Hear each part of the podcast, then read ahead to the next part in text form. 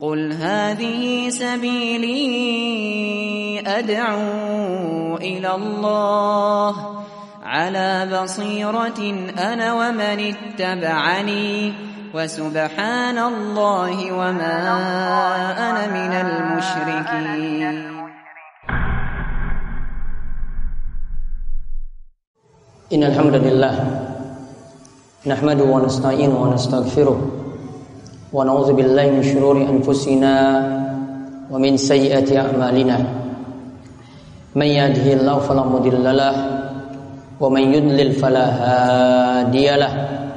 وأشهد أن لا إله إلا الله وحده لا شريك له وأشهد أن محمدا عبده ورسوله. اللهم صل على نبينا محمد wa ala alihi wa man tabi'ahum bi isanin ila yaumiddin. Allahumma anfa'na bima alamtana wa alimna ma yanfa'una wa zidna ilma.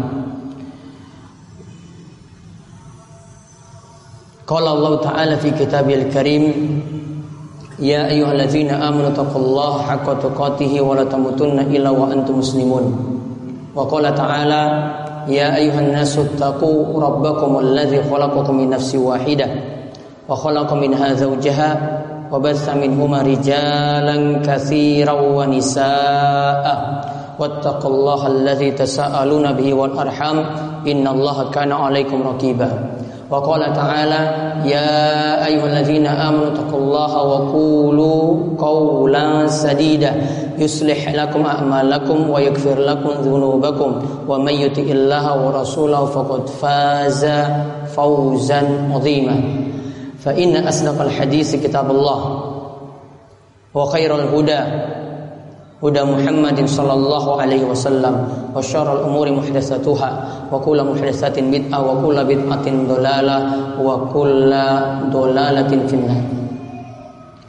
Masyarul muslimin Jamaah sholat Jumat Yang semoga senantiasa dirahmati dan diberkahi oleh Allah subhanahu wa ta'ala Kita bersyukur Begitu banyak nikmat yang telah Allah karuniakan Yang telah Allah berikan kepada kita sekalian di pagi hari kita mendapatkan rasa aman, rasa tentram. Di pagi hari kita diberikan kesehatan badan. Di pagi hari kita juga diberikan nikmat oleh Allah Subhanahu wa taala untuk merasakan makanan yang enak. Maka kata Nabi SAW Orang yang mendapatkan tiga nikmat tadi Fakaan nama jizat lahu dunia Dia telah mendapatkan dunia seluruhnya Tugas kita sebagai hamba yaitu bersyukur pada Allah Subhanahu wa taala. Bentuk syukur kita kita wujudkan dengan amalan. Bentuk syukur kita kita tidak tunjukkan dengan maksiat dan terus kita memperbaiki amalan-amalan kita. Salawat dan salam semoga tercurah kepada junjungan kita Nabi besar Nabi Agung Muhammad sallallahu alaihi wasallam pada para sahabat, pada para tabi'in, kepada para ulama dan juga mudah-mudahan kebaikan senantiasa diberkahi pada orang-orang yang menjadi pengikut beliau hingga akhir zaman. Ma'asyiral muslimin, jamaah salat Jumat yang semoga senantiasa dirahmati oleh Allah Subhanahu wa taala. Kita tahu beberapa hari yang lalu telah diadakan pemilihan pemimpin di beberapa provinsi, beberapa kabupaten dan kota. Dari sisi pemilihan mungkin bisa kita kritik bagaimanakah cara yang ditempuh untuk pemilihan tersebut. Namun dari sisi hasil baiknya kita mengambil pelajaran dari hasil yang diperoleh. Kaum muslimin yang semoga senantiasa dirahmati oleh Allah Subhanahu wa taala. Dari beberapa kantong daerah pemilihan nanti bisa dilihat bagaimanakah keadaan orang-orang yang ada di situ. Termasuk juga mungkin kalau terjadi pemilihan di Surabaya. Ketika hasil yang diperoleh akan mendapatkan pemimpin yang baik, maka akan mencerminkan juga rakyat-rakyatnya seperti itu pula. Kalau dari daerah atau kantong pemilihan tersebut atau hasil yang diperoleh itu nantinya pemimpin yang jelek, maka memang kenyataannya rakyat itu dalam keadaan seperti itu juga. Kesimpulannya Pemimpin ternyata adalah cerminan dari rakyatnya itu sendiri. Pemimpin itu adalah cerminan dari rakyatnya itu sendiri. Apakah seperti ini membuat kita itu sedih? Jawabannya tidak. Justru membuat kita semakin termotivasi dan terus introspeksi diri. Ternyata untuk memperbaiki suatu umat bukan memperbaiki dari atas namun memperbaiki suatu umat dan memperbaiki umat kita sendiri itu mulai dari dasar terlebih dahulu, yaitu mulai dari rakyat terlebih dahulu. Para jamaah sekalinya semoga senantiasa dirahmati oleh Allah Subhanahu wa taala. Kalau kita melihat dari dalil-dalil yang ada sungguh sangat banyak yang bisa kita renungkan dari ayat Al-Quran, dari hadis Nabi SAW, bahkan dari sirah, dari sirah Nabi SAW. Pernahkah kita lihat Nabi SAW itu mulai dari menasihati pemimpin terlebih dahulu? Pernahkah kita lihat Nabi SAW itu cuma menasihati konglomerat, para pejabat-pejabat saja, orang-orang di atas saja? Tidak. Ternyata yang dinasihati oleh Nabi SAW mulai dakwah dari rakyat kecil terlebih dahulu. Dari rakyat terlebih dahulu yang diperbaiki akidahnya terlebih dahulu yang diperbaiki, kesyirikannya terlebih dahulu diingatkan, amalan-amalan yang tidak ada tuntunan juga diingatkan oleh Nabi Shallallahu Alaihi Wasallam. Tradisi-tradisi jahiliyah Nabi ingatkan untuk ditinggalkan, ambil apa yang sesuai dengan tuntunan Nabi SAW dan apa yang dijelaskan dalam Al-Quran. Dari sejarah saja kita bisa buktikan bahwasanya memang untuk mendapatkan kejayaan umat dan untuk mendapatkan baiknya umat bukan diperbaiki dari atap. Bukan diperbaiki dari atasnya. Bukan diperbaiki dari hasilnya yaitu buahnya, namun diperbaiki terlebih dahulu dari akarnya, dari pondasinya terlebih dahulu. Dari akarnya atau dari pondasinya terlebih dahulu. Saya memberi contoh beberapa ayat yang menyebutkan hal ini. Bahwasanya memperbaiki umat itu mulai dakwah dari rakyat kecil terlebih dahulu. Dari rakyat-rakyat seperti kita. Bukan dengan kita mengkritik dan terus membantai dan memberikan opini-opini yang jelek pada pemimpin kita.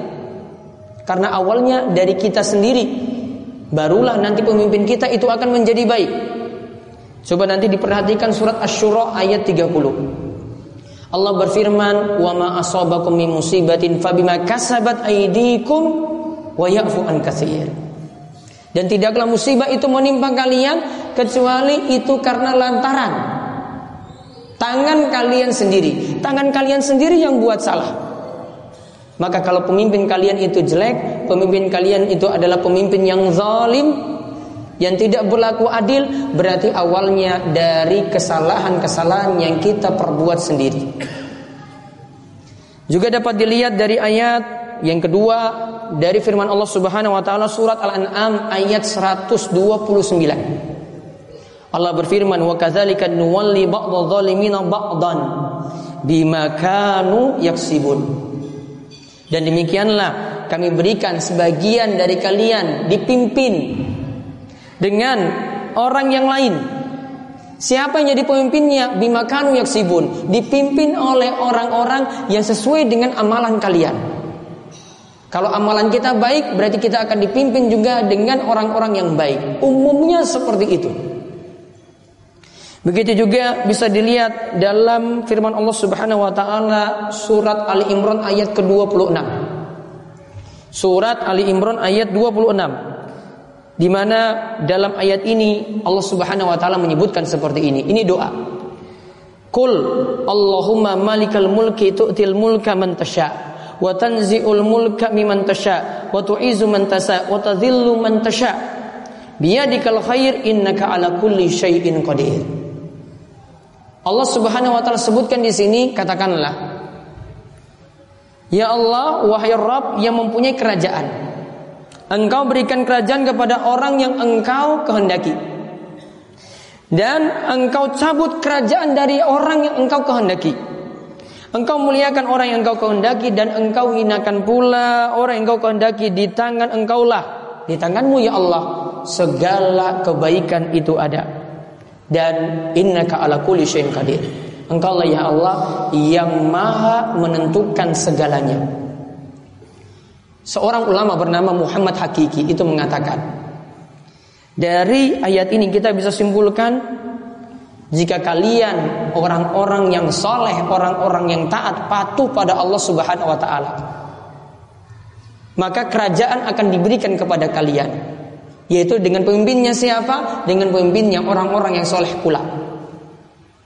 Kemudian sebaliknya, jika kalian itu orang-orang yang toleh, orang-orang yang jelek, maka kerajaan juga akan diberikan kepada kalian. Pemimpinnya siapa? Pemimpinnya juga orang-orang yang jelek. Ini dalil ketiga yang menyebutkan hal tadi. Ada juga perkataan dari seorang tabi'in yang bernama Qatadah. Qatadah itu mengatakan, dahulu Bani Israel itu pernah mengatakan meminta pada Allah Subhanahu wa taala ya Allah bagaimanakah kami tahu kalau engkau itu ridho pada kami dan bagaimanakah kami tahu kalau engkau ya Allah murka kepada kami maka kata Qatadah dia menyebutkan ketika itu dijawab Allah Subhanahu wa taala mengatakan Kalian bisa tahu kalau aku ridho jika kalian itu dipimpin dengan pemimpin-pemimpin yang baik. Dan kalian bisa tahu aku itu murka kepada kalian kalau kalian itu dipimpin dengan pemimpin-pemimpin yang jelek. Maka pemimpin yang jelek atau sampai berbeda akidah dengan kita itu karena sebab diri kita sendiri yang tidak mau untuk memperbaiki diri atau umat kita secara keseluruhan tidak mau untuk memperbaiki diri. Dan ada disebutkan dalam hadis, namun hadisnya itu adalah hadis yang dhaif. Namun para ulama biasa menyebutkan kalimat ini, kama takunu yuwalla alaikum. Kama takunu yuwalla alaikum. Sebagaimana keadaan kalian, maka pemimpin kalian juga seperti itu. Sebagaimana keadaan kalian soleh, maka pemimpin kalian juga adalah orang-orang yang soleh. Sebagaimana kalian itu adalah ahli maksiat, maka pemimpin-pemimpin kalian juga ahli maksiat. Sebagaimana kalian itu adalah orang-orang yang zalim, melakukan riba, merampas harta orang dengan cara yang zalim, melakukan penipuan, melakukan korupsi, rakyat seperti itu. Pegawai-pegawai seperti itu, maka jangan heran kalau pemimpin yang keadaannya seperti itu pula. Kama takumu alaikum. Sebagaimana keadaan kalian, pemimpin kalian juga akan didapati seperti itu pula. Terus sekarang kalau kita ingin memperbaiki umat kita seperti apa? Yang jelas memperbaikinya bukan dari atas. Kita mulai dari akar rumput terlebih dahulu. Kita mulai dari pembinaan akar rumput terlebih dahulu. Galakanlah majelis-majelis ilmu karena majelis ilmu lah yang nanti akan menghadirkan kebaikan-kebaikan yang banyak bagi umat.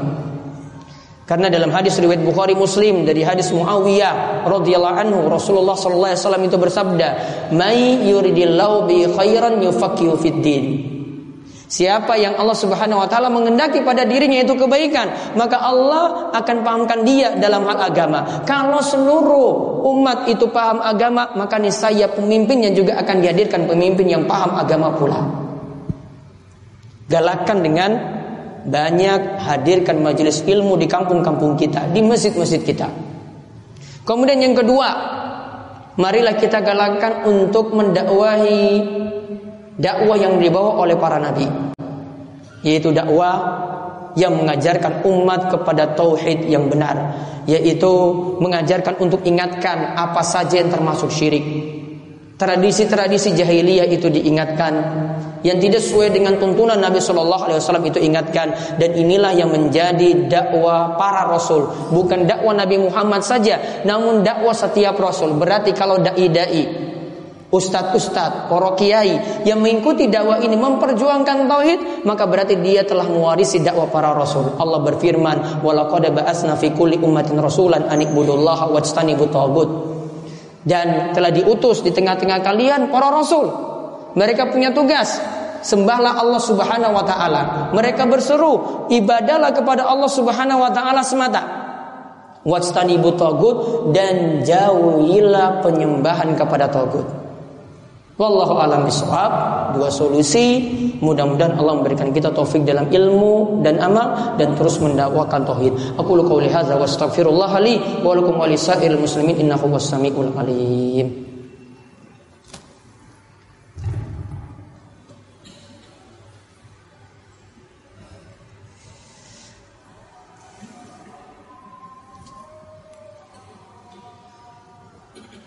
Alhamdulillahirabbil alamin. Hamdan katsiran thayyiban mubarakan fi kama yuhibbu rabbuna wa yarda. Wa asyhadu an la ilaha illallah wahdahu la syarikalah wa asyhadu anna Muhammadan abduhu wa rasuluh. Allahumma shalli ala Muhammad wa ala alihi wa man tabi'ahum bi ihsanin ila yaumiddin. Setelah kita tahu tadi dua hal Marilah kita terus gerakan majelis-majelis ilmu di kampung kita, di masjid-masjid kita, bahkan di rumah-rumah kita sendiri. Bagaimana menghadirkan suasana penuh dengan sunnah Nabi SAW di tengah-tengah kita. Yang kedua adalah marilah kita dakwahkan tauhid. Kemudian yang ketiga, mari kita tunjukkan akhlak kita yang mulia sebagai seorang muslim. Seorang muslim adalah orang yang berakhlak mulia orang yang berakhlak santun. Seorang muslim itu adalah orang yang jujur. Seorang muslim itu senantiasa memegang amanat. Seorang muslim diingatkan terhadap tetangganya berbuat baik, terhadap orang-orang sekitarnya berbuat baik, kepada pemimpinnya juga dia berbuat baik dan dia benar-benar menghormatinya. Karena ingat akhlak kesantunan itulah yang jadi dakwah Rasul kita Muhammad sallallahu alaihi wasallam innama bu'istu li utammima makarimal akhlak Kata Nabi SAW sesungguhnya aku diutus untuk mengajarkan pada umat bagaimanakah akhlak yang mulia. Juga dalam riwayat Ahmad dikatakan innama bu'istu li utammima hal akhlak. Aku ini diutus untuk menunjukkan mana akhlak yang baik.